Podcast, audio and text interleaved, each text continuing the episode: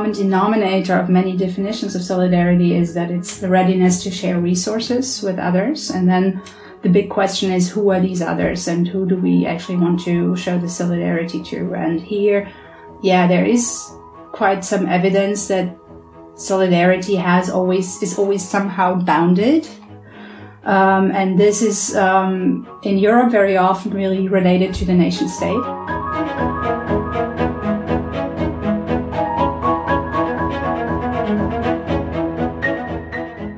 Uh, it's kind of an interesting thing that when we finished the study and we, we, we put it out as a report, some of the sort of headline findings that, that Teresa and I are, are summarizing, um, uh, it did get discussed in, in Brussels and also by uh, the Ministry of Finance in the Netherlands. Um, and Hoekstra was gave us a long comment uh, responding to the findings that we're summarizing here. And he sort of accepted, oh yeah, that might all be true, but you know, your program did not sensitize enough. Your, your survey did not sensitize your, your respondents enough to the issue of moral hazard. It didn't con- convince your, your your respondents that if we have this kind of a program, it's just going to invite all kinds of profligacy and bad spending and bad behavior. And um, and the, the, what was really that's clear the Hoekstra me, you know. That's the Hoekstra you know. But what is really interesting is that they're not interested in what the people generally want. They want to actually cue and frame this this sort of moral story that turns out not to be really relevant to. Um, uh, well, at least not relevant to a big part of what uh, the debate is about, which is that people are willing to support the provision of some kind of risk uh, uh, sharing and some kind of uh, way of, of, of, of, addressing this kind of problem of unemployment shocks. And that's the main finding is that people support it. They don't, they don't oppose it.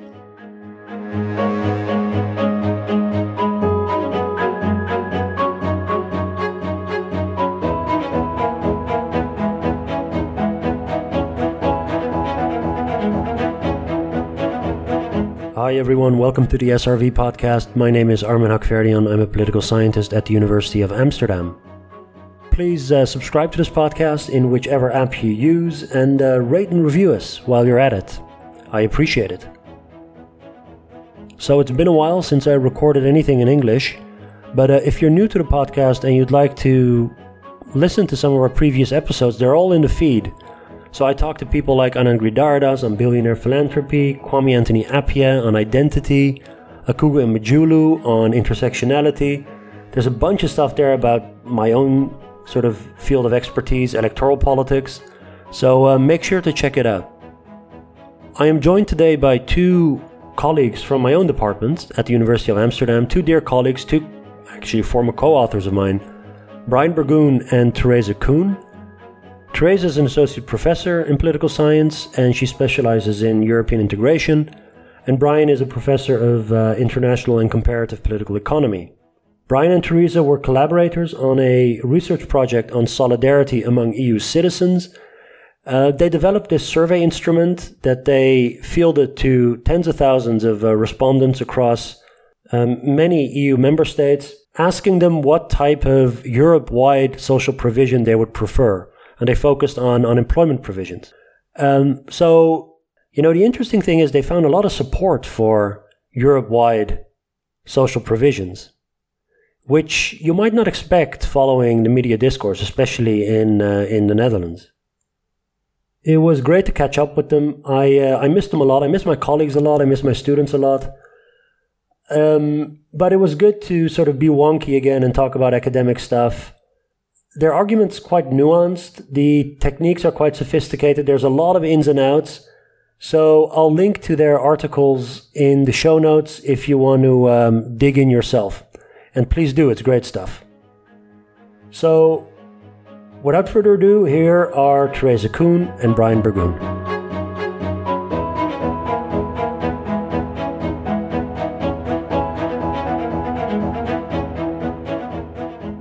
Okay, I'm joined on Zoom by two dear colleagues, Teresa Kuhn and Brian Burgoon. Uh, welcome, Teresa. Hi, thanks for inviting me.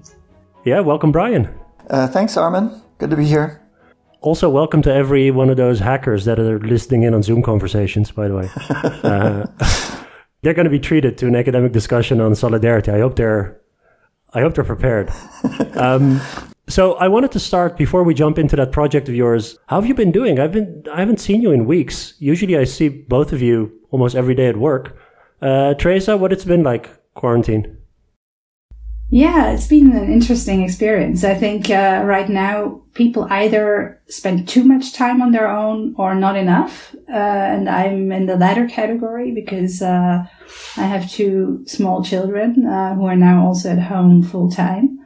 Uh, and uh, I've been also teaching. I have quite an intensive teaching period right now. So it's been hard to actually get some time on my own um, in some way or the other. Um, but um, yeah, as long as you're healthy and you have a good home, then I think you're among the lucky ones at the moment. So you're teaching a large lecture, right? How are you doing that? How many students, uh, and and how are you doing this? So I have uh, 200 students in the second year of uh, a bachelor program from all over the world. Um, some of which are now already back with their parents in uh, the U.S., Thailand, Australia, so all over the world and uh, I'm giving a lecture, um, which I have to somehow pre-record, also because of the time, uh, the different time zones. Um, and part of the lectures have been recorded two years ago, luckily, but they're partly also outdated. So I have to to actually make little clips um, ahead of the lectures, and that's uh, that's fun to do because the end product is usually pretty nice, but uh, it's also a lot of work. So for one hour of recording, I count something like five hours of preparations or six. So it's you take like uh, it's like fifty takes for so you're like Stanley Kubrick. Exactly, exactly. Uh, Brian, what about you? Well, I have uh, I have life easier than both of you probably in that my children are are older, so I have uh, late teenagers um, who. Um, uh, yeah, don't don't um, pose as many challenges, I think, as the little kids. So they don't need to be uh, on your lap or schooled every moment, but they uh, they definitely need discipline and um, my attention. And so there's a big deal of sitting all all together in a house trying to live our lives.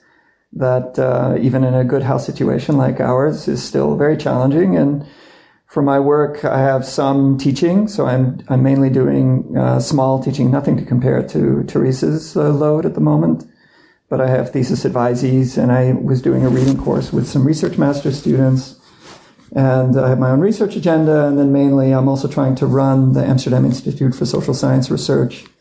Um, so there are tons of crisis difficulties with the coronavirus uh, budgets, uh, refiguring or reconceptualizing thesis projects, right. uh, research uh, programs, hiring committees. It's a busy time. Yeah.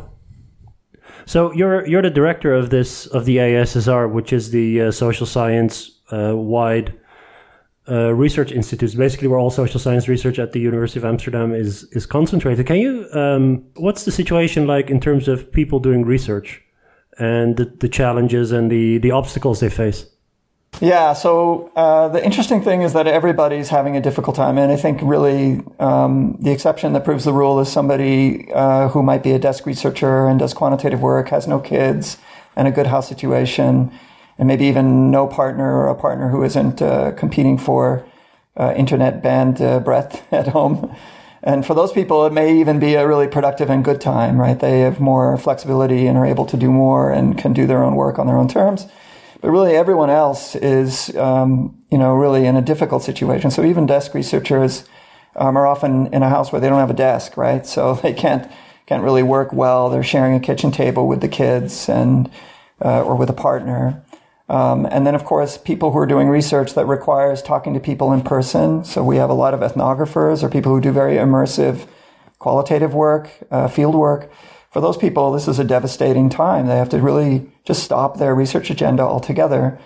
People find ingenious ways of, you know, switching to the other tasks of academic craft. So they uh, write things that they already researched, or they think theoretically. Um, you know, they, they can do things, but this is a really devastating time, I think, for for a lot of us. And, right. and a big part of my job, or about what we're all trying to do, is think about what we can do usefully within the constraints we're facing and I think that all of us are, are trying to, um, you know, work a lot, but actually it's probably wiser for us to just, take a step back and take it easy and not do as much as we um, thought we could or want to, and just accept that this is a really hard time. Uh, for us as researchers. And we as researchers have that luxury in a way we don't as teachers. So teachers, the students are waiting, right? The, the clock is ticking. And yeah, for yeah. research, we have uh, more innate or sort of intrinsic uh, flexibility. So we're taking advantage of that. So we're all doing less and doing it differently and facing the, the, the difficulty of rethinking what we're doing and how we're doing it. It's, it's a brutal time. What about the financial situation when it comes to things like, like grant applications? And I mean, this is a, a major part of our of our work is to apply for grants. I mean, many people are in the middle of being reviewed for their grants. Um, yeah. Is is all of this stuff on hold, or is it just continue? Well, um, in the case of some of the, well, it depends. So it depends on the grant and the person. But um, as a general matter, that stuff is just going forward, but in an adjusted way. For example, people who apply for an ERC, a European Research Council grant, these are these sort of prestigious and generous European level grants for research, for basic research. Um, those deadlines still exist. Uh, but for instance, the people who are applying for an ERC starting grant, as it's called, these are for relatively youngish uh, researchers those people are not going to go through an interview phase because the ERC has decided that that would be too cumbersome in an age of, of corona.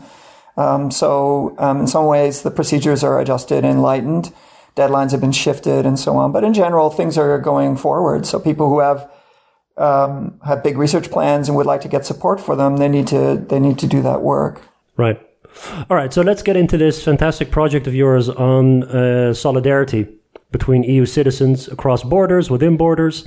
Um, Teresa, what was the rationale behind this project? Why did you um, uh, why did you uh, do this? Um, yeah, so this is a project um, that is uh, a joint work, actually, also uh, between Brian and myself, but also with uh, Frank Vandenbroucke and Francesco Nicoli. Um, and uh, we've actually started working on this really yeah, years back, um, when I was just finishing my VENI project on the national boundaries of solidarity, where I looked at support for general transnational solidarity in the European Union. And, um, I was happy with my results, but still thought, okay, I know, now know a lot about general solidarity. It actually doesn't really tell me so much about what kind of concrete policies uh, would be actually supported. And this is when uh, um, Frank Vandenbroucke came in as actually a policymaker um, who um, had a lot of experience on how these policies actually are currently debated at the European level. Um, and he was a minister, right, in the Belgian yes, in the Belgian the, cabinet, was he? Uh, for social affairs, and he's also been uh, yeah involved in high level um, um, debates on European social policy and still is. Mm.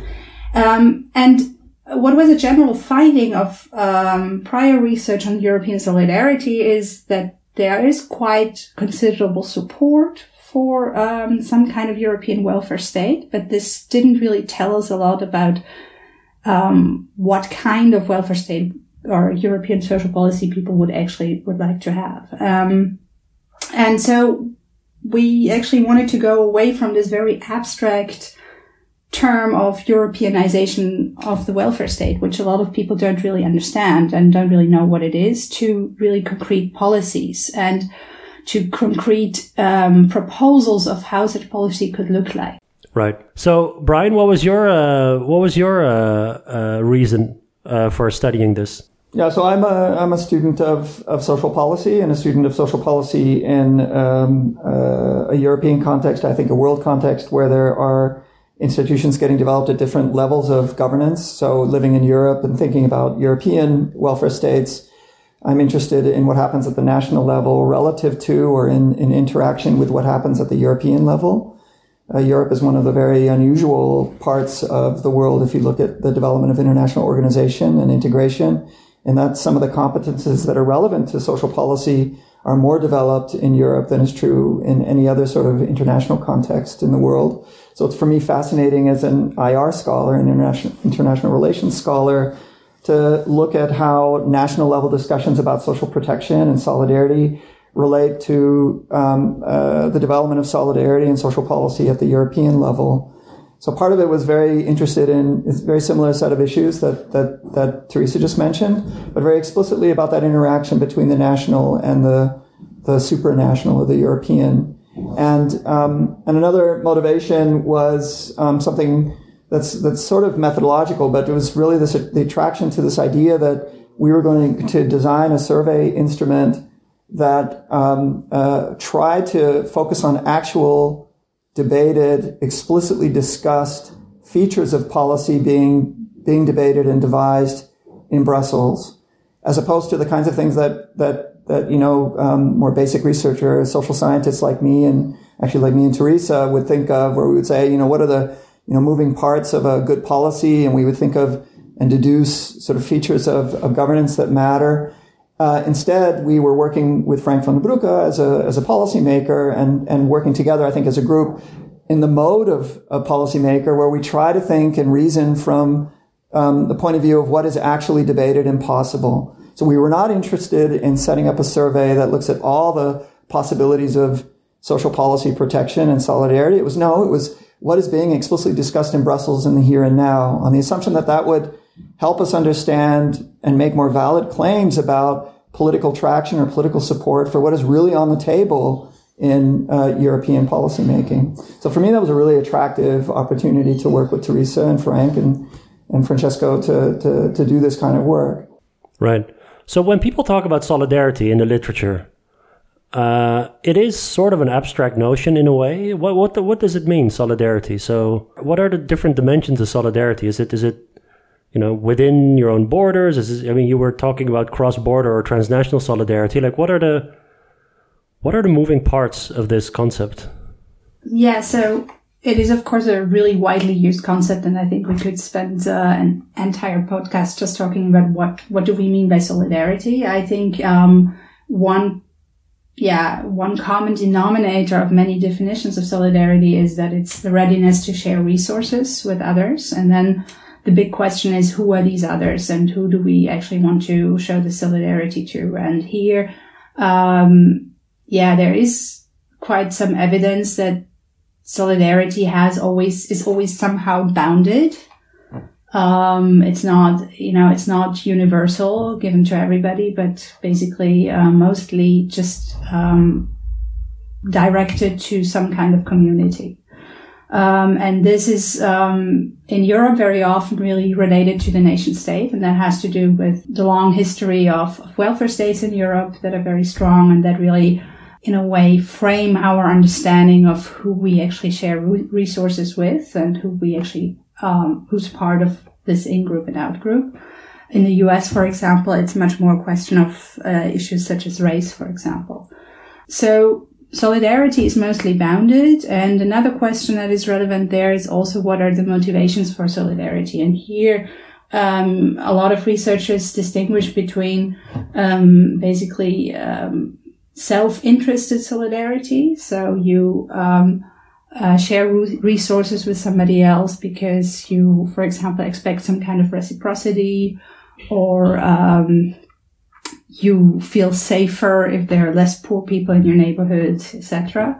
And then um, solidarity that is actually not linked to that kind of self uh, interest, but that really comes from some kind of you know moral uh, perspective that this is something that you you should be doing. And of course, here.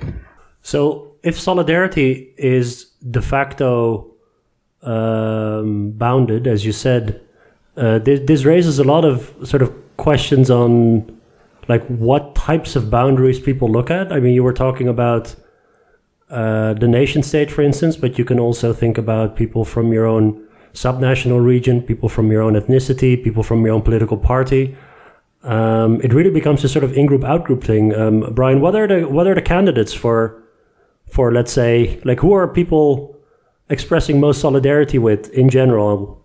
So, completely consistent with what Teresa was just summarizing, the boundedness can have a lot of different dimensions. And, and in the work that we were doing for this project, the obvious boundedness involved national um, borders. So, we were interested in, in, at least implicitly, in the question of whether a Dutch person would, would care enough about what's going on in Italy or Spain or Hungary or Poland um, uh, to set up some sort of pooling of risk, some sort of pooling of solidarity, pooling of provisions of, of, of assistance that uh, would make a difference for people who might find themselves unemployed in those places outside your own border.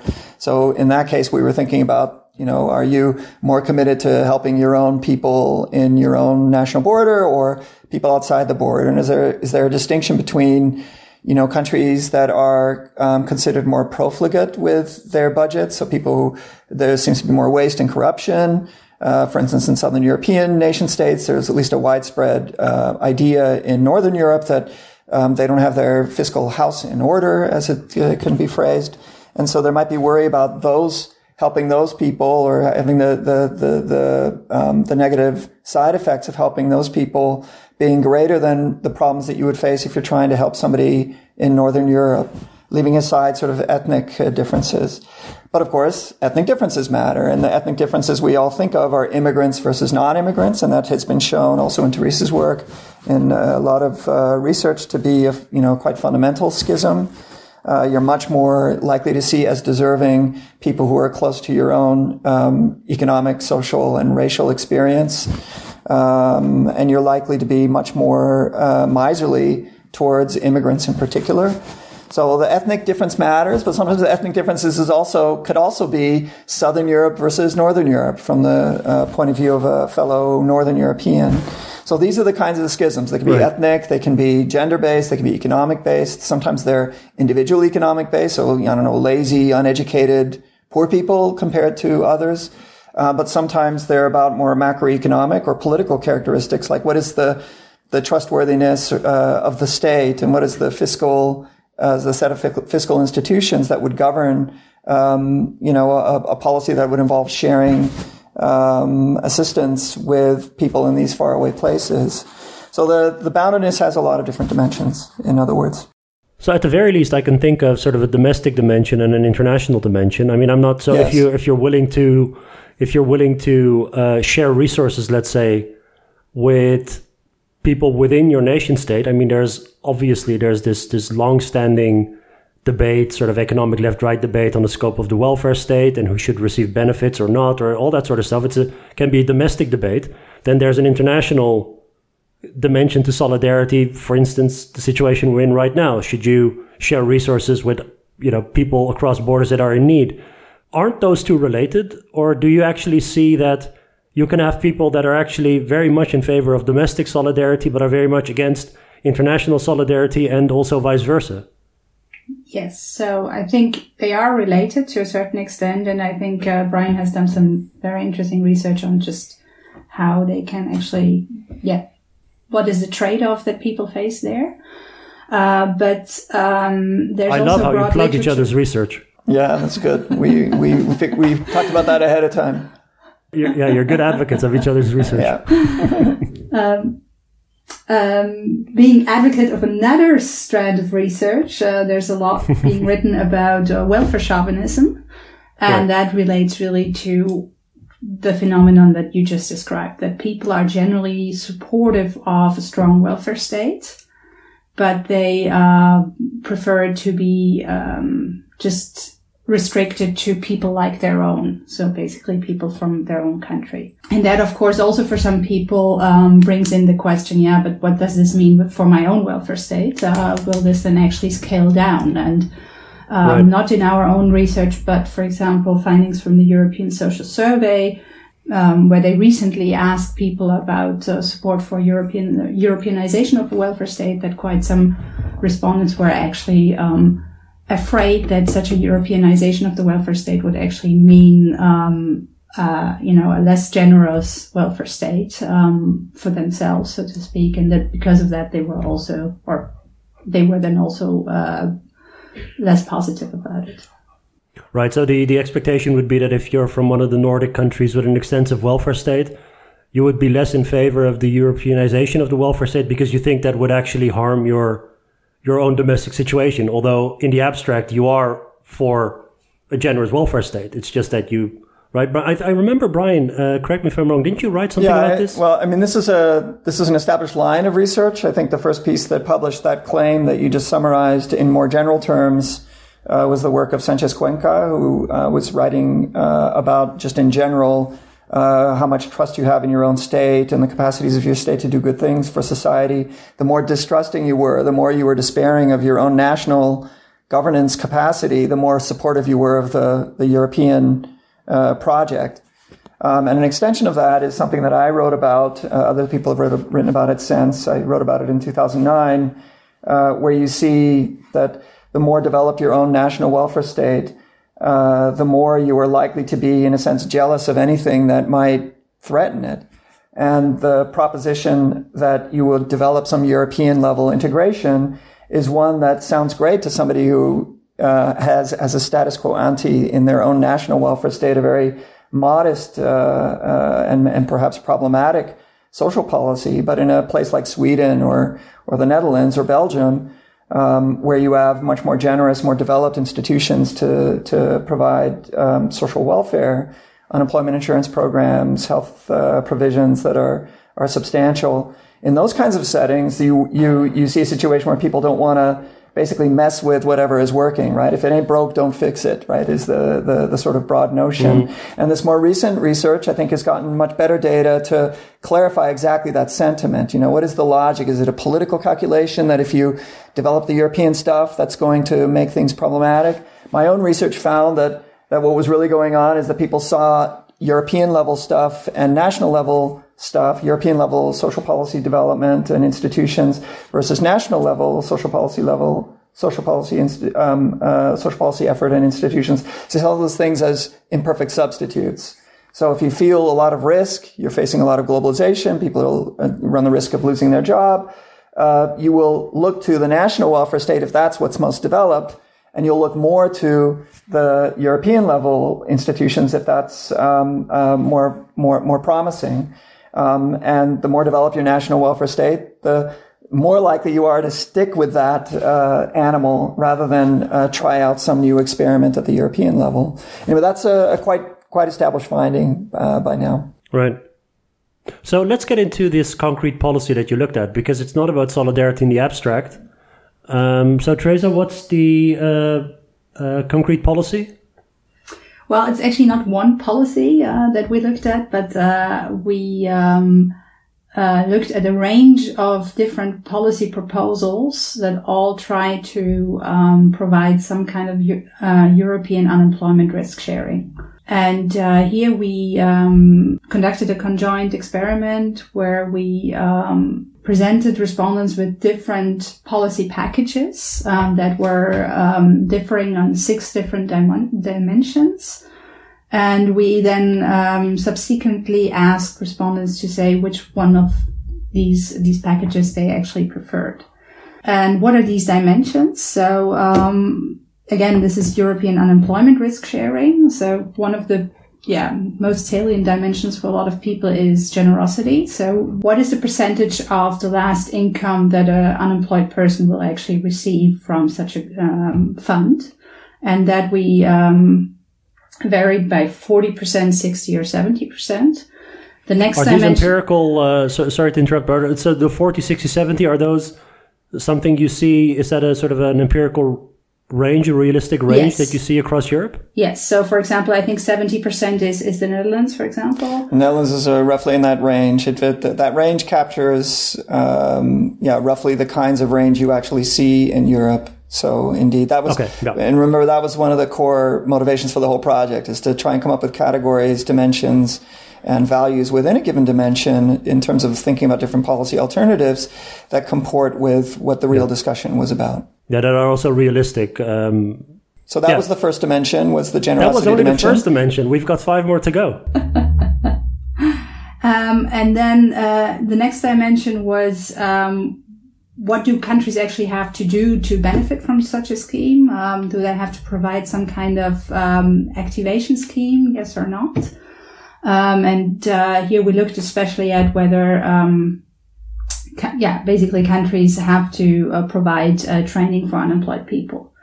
Um, then an important question relates, of course, to um, whether there's cross-country redistribution really happening. So can countries actually get more out of such a scheme than they pay in in the long term?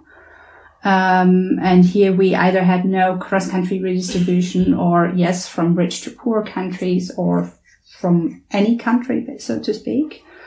Um, and um, then another important uh, question was um, is this scheme governed by the EU or by the member states themselves? So who's actually in charge of it, uh, the governance?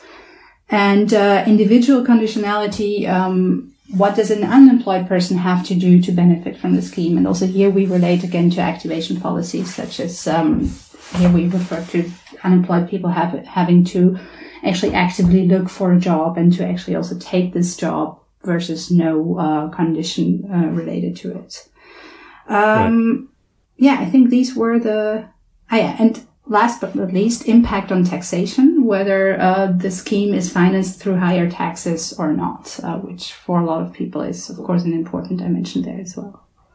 So a lot of this stuff is quite technical, uh, and um, when you sort of describe it the way you do, to what extent are you worried that people are actually going to understand what you mean? I mean, I'm not an expert in any of this stuff per se, and I find myself already having to really concentrate to understand what is going on. And of course, in a survey uh, to a general audience, you have to be really careful in how you frame this sort of stuff. Like how mm. um, are you are you worried about that? That I mean, you can have very intricate sort of policy scenarios that you put in front of your respondents, but is it actually going to register? So we were actually uh, worried ourselves about that a lot, um, uh, especially so when designing the experiment. Um, and first of all, it's it's good to know that we um, did a range of pre-tests and we kind of piloted the the survey with uh, not only with social scientists but also with people who um, are much less informed about uh, these policy choices than we are. Um, and we included a couple of checks in the survey itself to make sure that um, people that we can somehow weed out the people who don't understand it or get at least an, information on how many people these are.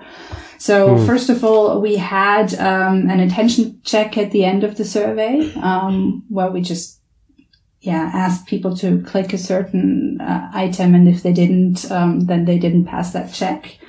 Um, and when kind of excluding those people from the analysis later on, we saw that the results remained relatively robust, so that there was not a big difference in the response in the response patterns between people who were attentive and those who were not attentive. Um, but what is maybe even more important is that um, we had different ways to to measure the preferences so one question was, okay, um, when people were seeing two different policy packages, we asked them, so which of the two policy packages do you prefer, package A or package B? Um, and the second question was, um, how do you rate package A and how do you rate package B from basically, um, I like it a lot too. I don't like it basically. Um, and there we could, um, by comparing the two answers, we could kind of see who gave inconsistent answers. So people said, okay, I prefer package A, but then in the next step, they gave a higher rating to package B. Um, and also identifying these individuals, um, we saw that there was actually not a big difference in how they responded to it, and that there were actually not so many people who who um, um, gave inconsistent answers. Okay, can I um, can I add something to Teresa, if yes. I may? So um, Teresa just described the way we uh, built into the survey instrument all these ways of sort of gauging whether people understand, and that's key. But it's also important to say, as a, in a way, as a preliminary matter, that we took re- real pains to use wording that was uh, was not jargony, that did not involve language that a layperson would not understand. For example, we didn't use the phrase replacement rate when we were trying to describe the generosity, even though that's a very common uh, notion or certainly well understood among policymakers and among uh, social scientists. We would say things when we talk about generosity, that one dimension um, that involved the generosity of the program. Uh, we said uh, to the respondents, you know, how generous is the scheme for potential recipients? What percentage of your last earned wage would you see compensated for by this program or, or repaid by this program? It used that kind of language. And we never talked about European Union risk sharing as a sort of uh, jargony kind of description of the policy. It was a, a European level, a new European level policy or scheme that was trying to provide assistance, supplemental assistance to help the unemployed and we used language that was more accessible. So, I mean, you're tired, um, uh, Armin, and didn't understand it, but our, our, our, our respondents uh, understood it just fine. um, it's maybe also important to add that we included a, um, an open question in the experiment where we asked people which of the six dimensions was the most uh, important one for them and uh, uh, that was a lot of work for us to code um, because people right, I can imagine. rambled on, gave some interesting uh, insights not only on the dimensions as such, but on whatever they had were thinking of.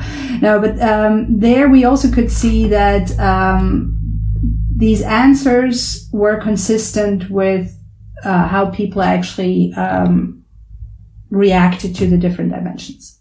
So also right. this gave us, so in the end, because of all the work that we put into using, uh, terminology that people can understand and with our pre-tests and then also with these, um, checks afterwards, we are actually quite confident that people did understand, uh, uh, the policy um, proposals and what was actually yeah. at stake here.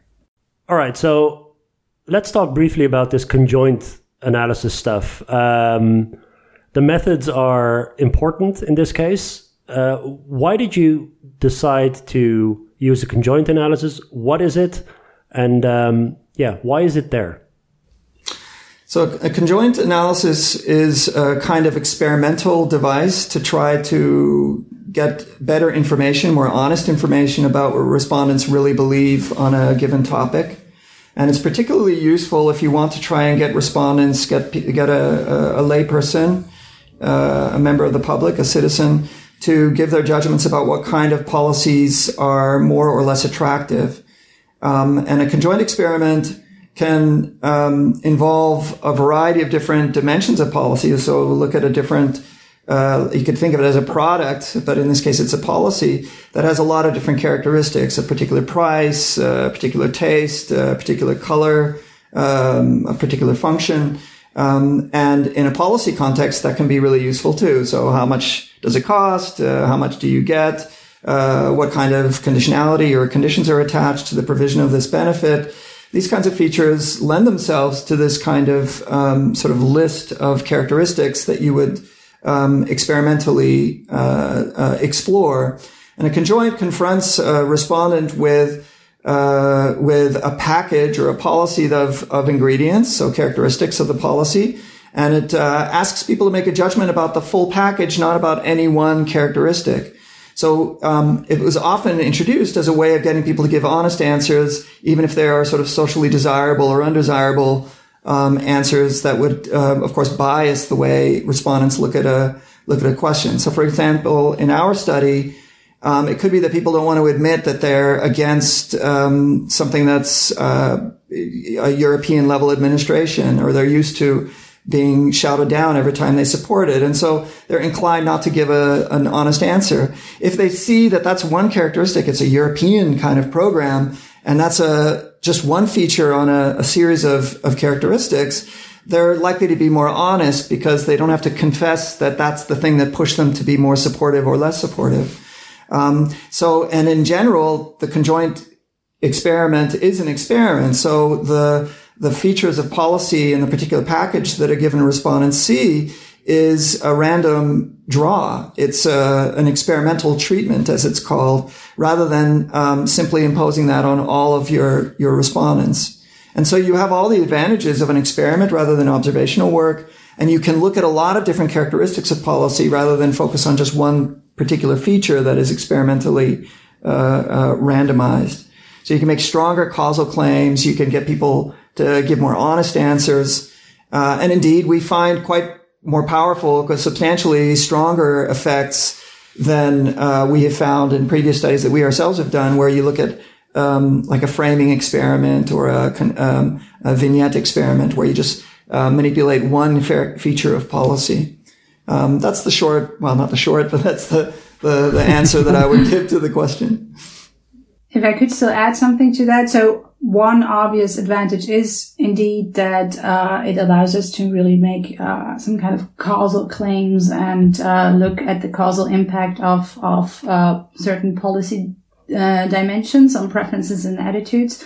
But the other theoretical advantage, in my view, is that um, it really helps us to elicit trade-offs between dimensions. So we all know that, or we know, we kind of assume that people prefer a more generous scheme but um, in such a conjoint, you can then see at what kind of price do people prefer a generous scheme? Are they willing to, for example, give up um, or give in on other uh, on other dimensions? Um, and I think exactly this kind of uh, looking at these trade-offs between the different dimensions um, is very interesting from a theoretical perspective because it really can help you to to um, weed out um, certain mechanisms. But then it's also interesting because this is really um, relates to the reality of of you know making policies that um, we can you know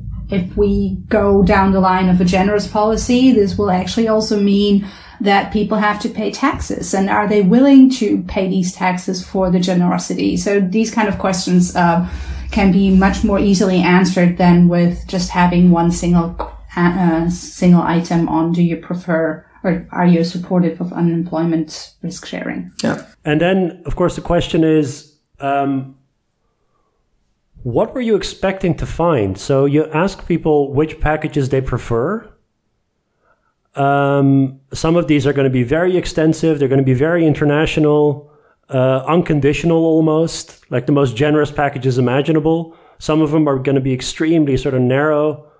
What did you think uh, was going to come out, or what did the literature predict was going to come out? Um, so, with respect to each of the dimensions that Teresa summarized earlier, there is some literature that that provokes or undergirds some expectations, um, and those became the, the, the expectations that informed our study. They were also expectations that informed the decision to include these characteristics in the conjoint experiment itself. Uh, remember that we were thinking about actual policy debate and what was being discussed in policy uh, maker discussion, um, where these dimensions in particular were quite salient and prominent in that discussion. And with respect to each of the dimensions, we knew that that there were patterns of support in European publics that we could expect.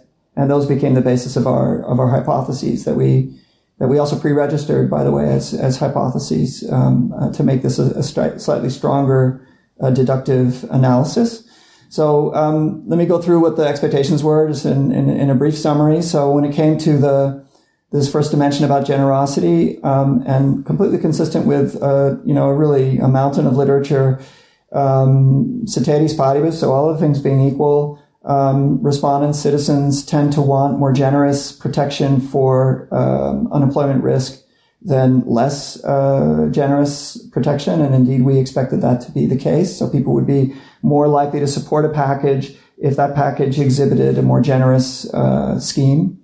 Secondly, when it came to the, um, you know, for instance, this issue of uh, whether there's going to be um, you know, a conditionality or some, some sort of expectation that the national government provide training if they're going to be part of this program. So not just provide unemployment assistance partly financed by this new scheme, but also provide national, nationally financed training uh, assistance for unemployed.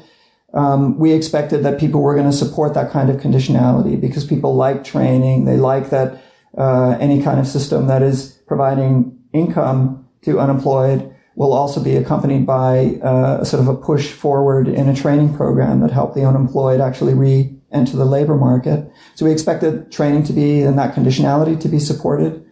We expected people to support more national rather than European level administration consistent with the general sense that people tend to be, um, it's not that they're Euro- Eurosceptic, but when it comes to social policy in particular, they, they're more likely to, to support their, their national uh, welfare state. Um, um, and then when it came to taxes, we expected people wanting to want a free lunch. So they would prefer, even if they wanted a generous program, they would basically prefer one that doesn't raise their taxes in any way rather than uh, one that does raise taxes. And if there were going to be raises in taxes, we expected that that that people would support a, a sort of um, uh, a tax structure that would put the tax burden on the rich rather than shared by everyone. And finally, we expected that people would support individual um, conditions. So this idea of activation that Teresa talked about. So we expected that individuals would be more supportive of assistance if they knew that the, the beneficiaries, the individual beneficiaries, would be asked to uh, look for and accept a job should it be offered to them, uh, rather than just taking this money and, and then watching uh, watching Netflix like we're all doing uh, these days. So that's basically the quid pro quo dimension. That's the quid pro quo dimension. So we basically expected from this literature all these specific uh, expectations, and any one of them yep. Is not particularly um, super counterintuitive but if you put them together, it really does capture a broad sense of what people will support or what they won't and tells you a lot about the extent to which and what kind of uh, European level social policy people embrace or, or, or, or oppose. And finally, I should say that right. in, in, going into the project, we also have a lot of expectations about country differences. So we, we expect Southern European countries and more debtor countries to have different expectations than richer countries, uh, for example. Right. So those also yeah. really informed um, our, our project. We also had expectations on different um, groups of society um, reacting more strongly um, to certain issues, uh, dimensions than others. Indeed. So, uh, um, for example, we um, we we thought that some of the dimensions really relate to long-standing debates on national welfare states. So, for example, taxation, activation policies. Um, and here we thought that um, this really relates to people's left-right orientations. So the economic left-right orientations as we know them. Um, and is less a question of being pro or anti-European. And then other dimensions have really a cross-border um, aspect in them, such as, yeah, should um, um, there be cross-country redistribution or should um, this scheme actually be managed at the European level or by the member states themselves? And here we thought that um, this actually doesn't relate so much to people's economic left-right orientations, but um, much more directly to people's orientations towards European integration. Yeah, it's remarkable. You know, if you just take a step back to to all of the stuff you just said about basically the different scenarios, and then also the different groups in society. There's country level differences. You know, it's it's just incredibly difficult to summarize what you've just said in a simple divide, pro or against, or north or south, or whatever. It's just uh, without even knowing the results. Um, yeah, yeah, no, absolutely. I think right now the the um, discourse in the media is is too simplistic, and I think that. Uh, that European policymakers, also our, our national policymakers, are also um, approaching this issue with a too simplistic um, intuition, namely thinking that um, their voters are going to be against some kind of transnational solidarity, and I think they're they're really wrong because not only our survey but many other um, empirical researches actually show that um, there are majorities that support um, transnational solidarity in the European Union, and not only in the poorer countries or in the, in the, countries that are now crisis struck, but also in, in the richer north. So, um, yeah. maybe yeah. we can talk about those results, uh, Teresa. So, what are the broad sort of so big picture uh, results in terms of support? Yeah. So. Um, we were really ourselves quite surprised by how pervasive support for European unemployment risk sharing actually is. Um, we had only a small minority of people who outright reject any kind of proposal. So you could present them any kind of proposal and they would always say no. That was about, I think, 10% of the whole survey. Um, but That's it? Yes. And uh, um, in general, yeah, there was actually much less uh, cross-country variation than we expected. So it is true that uh, the countries, the, the, citizens of, of uh, crisis-struck countries were generally more supportive um, of such schemes than people from the north. But even in the north, we had um, generally a majority support for these packages. Um, and what was even more interesting was actually that there's not general, not only general agreement that uh, such a policy would be good, but they, they people also really agree across countries on what kind of policy they actually would like to see. So um, in general, um, people were supportive of generous packages with conditions both for the individual recipient and the countries that participated um, with some kind of cross-country redistribution, um, no taxes, um, and uh, national administration. So this was the general pattern that we um, saw was mostly supported, and this was also supported across different member states. So it's not what I actually had expected, uh, and what we kind of would expect, for example, from um, informed by, for example, Catherine de Vries' book on um, uh, Euroscepticism, where she she convincingly shows that um, it really depends on which member state you are in on how you perceive the EU.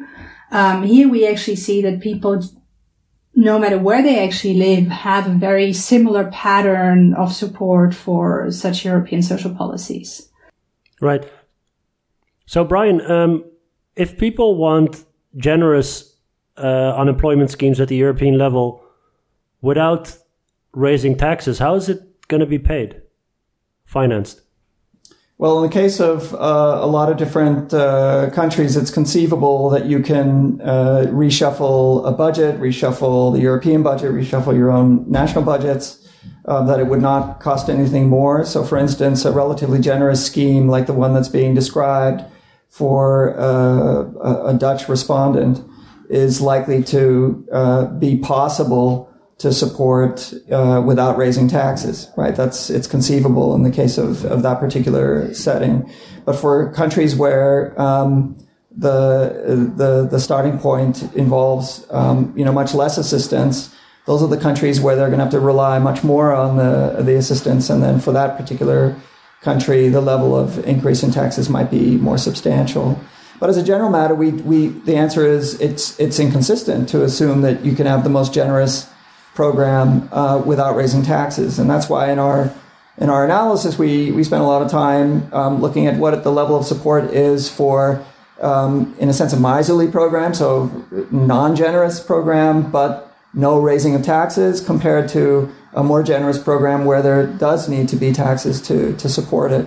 It's that comparison that becomes more politically meaningful, because again, indeed, on the table in the actual debate about this issue is not a free lunch kind of option. It's not like policymakers are going to say, let's do this and let's, uh, let's do nothing to uh, pay for it. We knew that we needed to look at the level of political support, and the, the survey instruments allows us to do this. Look at the level of political support for a sort of uh, modest and no tax option compared to a a more generous high tax option. That kind of comparison is what's most right. meaningful.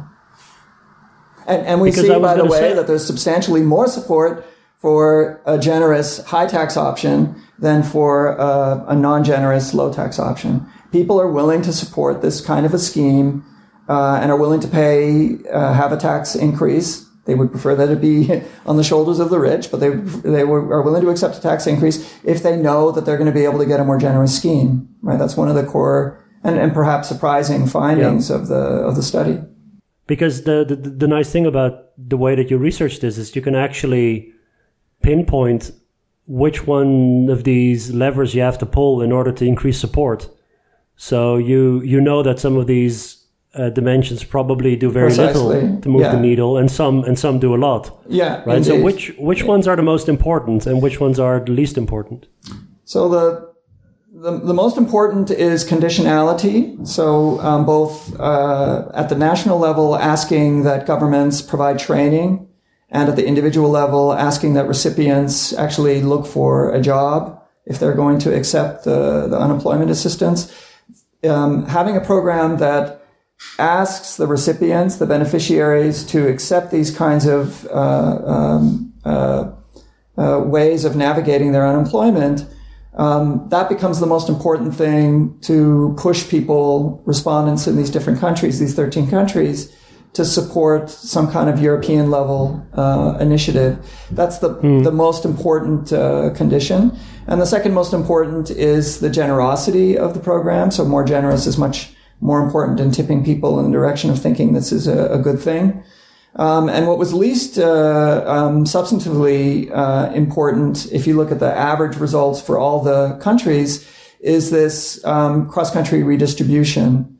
Um, so having uh, a policy that says um, there's going to be uh, the possibility of drawing on the program more than you pay into it, um, something that ends up leading to some redistribution for, of rich countries giving some more money, paying more money into a program that will then go to the poor countries.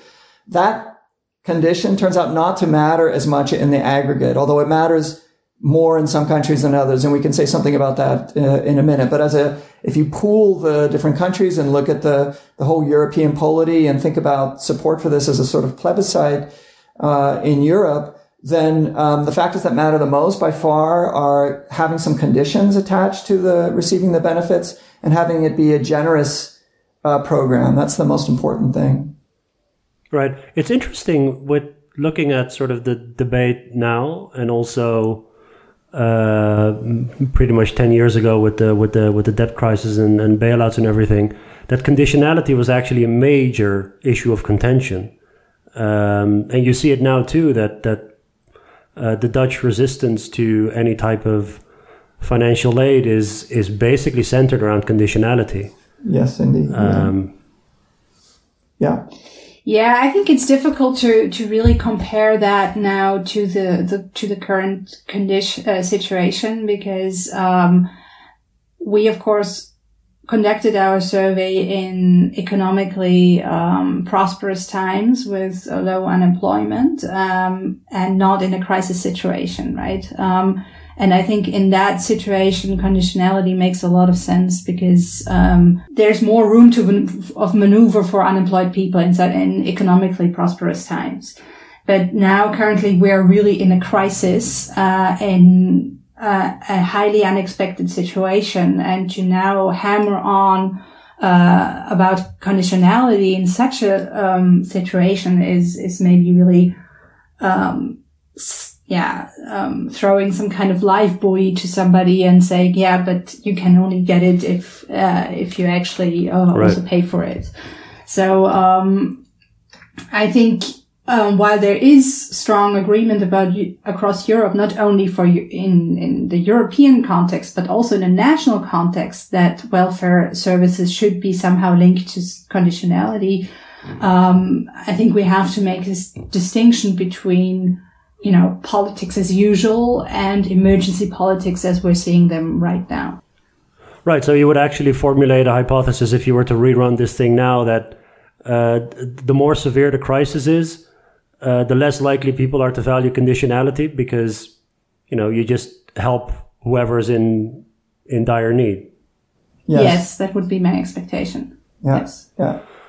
Right. Uh, Brian, we should have uh, actually explained to people which countries are included in the uh, in yeah, the study. So, uh, yeah, tell, so tell us a bit I'll, about the data. So the data is in 13 European countries. The survey was uh, fielded in October and November um, 2018. And the countries, the 13 countries are all European member states, but there's difference between these member states and whether they're members of the Euro or not. Uh, East versus West Europe, the kinds of welfare states they have, the level of wealth, their orientation in Europe in general. And the countries are Austria, Belgium, Denmark, Estonia, Finland, France, Germany, Hungary, Italy, Ireland, the Netherlands, Poland, and Spain. So it's an interesting cross section of uh, countries, and um, some of the differences indeed are, are what you would expect. So Teresa just summarized that you know the poorer, um, uh, more East European, more Southern European countries, those that have more modest welfare state protection, ex ante social policy protection. Those are the ones who tend to be more supportive of uh, yeah, European level administration and also more supportive of some sort of redistribution in this program. And uh, countries like the Netherlands and Denmark, uh, in particular, those are the ones that are very statistically significantly uh, sort of opposed to uh, redistribution. In other countries like Germany, Austria, etc., they're not as enthusiastic about redistribution between countries as are the Southern European uh, um, polities, uh, East European polities, but they're not significantly opposed, right? It's not a statistically significant predictor of support or opposition to these uh, programs. So somebody could look at our findings and look at this as a glass half full story about redistribution, where you see that, oh, it's only in the Netherlands and Denmark where you see that um, respondents are hostile to redistribution. And all the other European, Northern European countries, Belgium, um, Austria, Germany, France, uh, you don't see that kind of hostility. Right. So I was thinking about sort of the um, current uh, behavior of our um, well, prime minister, but also most of all our finance minister, who's uh, not made himself very popular across across the board. I think even the Germans are starting to um, to, to question his uh, his moves. But there seems to be in um, the idea within the Netherlands that part of the reason why Dutch politicians and you know people before Hoekstra were the same. I mean, Dijsselbloem was of the same sort of uh, persuasion that they pose this strict conditionality and all of these sort of you know the the the, the, the conditions under which certain countries can or cannot uh, uh, get get funding. Um, that partly it's it, that it's electorally motivated. That actually the Dutch electorate will punish these politicians if they go forward and um, distribute funds to to other countries in need. Um, if I understand you correctly, uh, it's actually not that unpopular among the Dutch electorate to do some sort of cross national solidarity, to engage in cross national solidarity. Uh, that actually the, the people who are categorically opposed to any type of cross border solidarity, that that's a, a very small minority. Maybe it's a vocal minority, but at least it's a, it's a small minority. But I, I have the feeling that in the Dutch discourse, this group gets a lot of attention and also sort of a lot of weight in in the justifications of, of some of these uh, uh, politicians. Am I wrong, or can you see this in the data? Um, well, what I think what our um, survey experiment shows is that there's actually quite some room for maneuver for policymakers to come up with European solidarity um, um schemes that actually receive majority support. And I think depending on which voters you're very much concerned about, you can actually um, really model these schemes to actually fit them. I think in general, um, we don't see such big skepticism in the Nordic member states um, towards European solidarity as these politicians actually seem to assume. So I don't have any current data on the Netherlands, but uh, I just saw some polls from Germany, which is also one of the more, you know, of the frugal four, so to speak. And there we also see uh, vast majorities of the German population who are supportive of um, some kind of financial help towards uh, member states in needs due to Corona. And they, in the question, they even explicitly refer to Italy and Spain.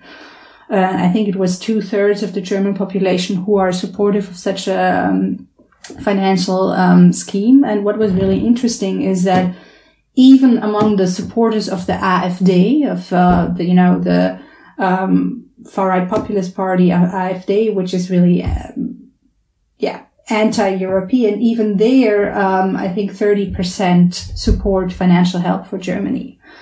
So um, I think um, yeah, national politicians should not worry so much about this this populist ba- or popular backlash against uh, European solidarity, especially in times of emergency situations like now. I mean, we just seen that uh, across Europe, uh, governments were able to implement emergency restrictions that really had a huge impact on our daily lives and on our economic prosperity. Um, and people are generally supportive of that. So I think in the same time, in the same breath, you can also say, yes, we also now in this emergency situation need to help uh, other Europeans. I mean, we do see in crisis situations that there's some kind of rally around the flag uh, situation where people usually become more supportive of their governments no matter how good or bad job they do. I mean, I've seen recent mm. polls uh, that um, um, approval rates for basically all uh, politicians in government, including Johnson, for example, have really gone up in the last couple of weeks. So I think they could use that kind of approval to also say now we're also um, actually uh, helping out um, our fellow member states who are really going through a crisis that they were actually not, um, you know, causing themselves. It's a virus. Mm. It's not some kind of economic malpractice or something. Right? Yeah, I'd like to add something that that um, even if you look at the period of time before this crisis happened, so I mean the way Theresa just sketched things, um, it is true that in a in a time of crisis there does seem to be a, a, a blooming of of solidarity that goes beyond the kind of miserliness that we read about um, in the press. You see that in in in a number of different kinds of polls. But I also want to emphasize that even in the period when we were doing this study, so it was before a crisis, uh, so it was a period where you could imagine, in some respects, for the average, you could imagine the average Dutch person to be, um, in a sense, more careful about uh, handouts than, than, than they are right now to be less altruistic in some broad way and less solidaristic. Even there, we did see patterns that, that, that show that there was a much broader support for a more generous European level, um, uh, kind of uh, risk sharing, um, than you would surmise if you read Dutch newspapers and look at the debate internationally. Um, and I just want to mention a couple of the specific patterns that support this. Um, for instance, in, in the Dutch data in particular, um, uh, it's really in the it's the it really is the most generous schemes. As long as there's conditionality, it's the most generous schemes that that get the most support. And uh, although the Dutch are uh, outliers in our in our different countries, in the sense that they are more opposed to uh, redistribution than most others. So any sort of program, uh, European level uh, program that would provide redistribution to poorer countries they tend to be less supportive of that um, than a program that does not include that kind of redistribution. In other countries, that redistribution is more supported. um, but even though they're less supportive of that than they are of, of, a program that does not have that redistribution, it's important to recognize that the significant majorities are still supportive of a European instrument that does include that kind of conditionality uh, that does include that kind of redistribution, as long as it's generous and involves some conditionality. So, uh, exactly the kind of program that's being talked about today um, is the kind of stuff that uh, that is really quite broadly supported in the in, even in the Dutch uh, polity. Um, and I want to say one other thing here about this that that. Um, uh, it's kind of an interesting thing that when we finished the study and we, we, we put it out as a report, some of the sort of headline findings that, that Theresa and I are, are summarizing, um, uh, it did get discussed in in Brussels and also by uh, the Ministry of Finance in the Netherlands. Um, and Hoekstra was gave us a long comment uh, responding to the findings that we're summarizing here, and he sort of accepted, oh yeah, that might all be true, but you know your program did not sensitize enough. Your, your survey did not sensitize your, your respondents enough to the issue of moral hazard. It didn't con- convince your, mm. your, your respondents that if we have this kind of a program, it's just going to invite all kinds of profligacy and bad spending and bad behavior. And um, and the, the, what was really that's clear the Hoekstra you know. That's the Hoekstra you know. But what is really interesting is that they're not interested in what the people generally want. They want to actually cue and frame this this sort of moral mm. story that turns out not to be really relevant to. Um, uh, well, at least not relevant to a big part of what uh, the debate is about, which is that people are willing to support the provision of some kind of risk uh, uh, sharing and some kind of uh, way of, of, of, of, addressing this kind of problem of unemployment shocks. And that's the main finding is that people support it. They don't, they don't oppose it. Right. Thank you so much for, for your time, Theresa. If people want to follow you on social media, you're on Twitter, right? Yes, I am. Yes. Um, What's the my, uh, what's the Twitter handle? my? Twitter handle? Um, let me look it up. um, Theresa J Kuhn is my Twitter handle. Excellent. Brian, are you on Twitter? No, I'm not on Twitter, but I go jogging in Vondelpark. So if you want to talk to me, you can come and go for a jog with me. Sorry, man, I'm really low tech. Hold up a cardboard sign that says, I want to talk about EU solidarity, and Brian will stop and, and talk to you about it. Exactly. Yeah. Um, I'll, I'm going to link to all of these papers. Uh, as I said, it's it's a very sort of layered and nuanced story. Uh, so people should uh, should dive into the to the material and read it for themselves. Thanks so much for listening. And um, you know, I think by the time this gets posted, uh, Easter weekend is already behind us. I hope you had a good Easter given the circumstances. And uh, I'll um, I'll talk to you soon.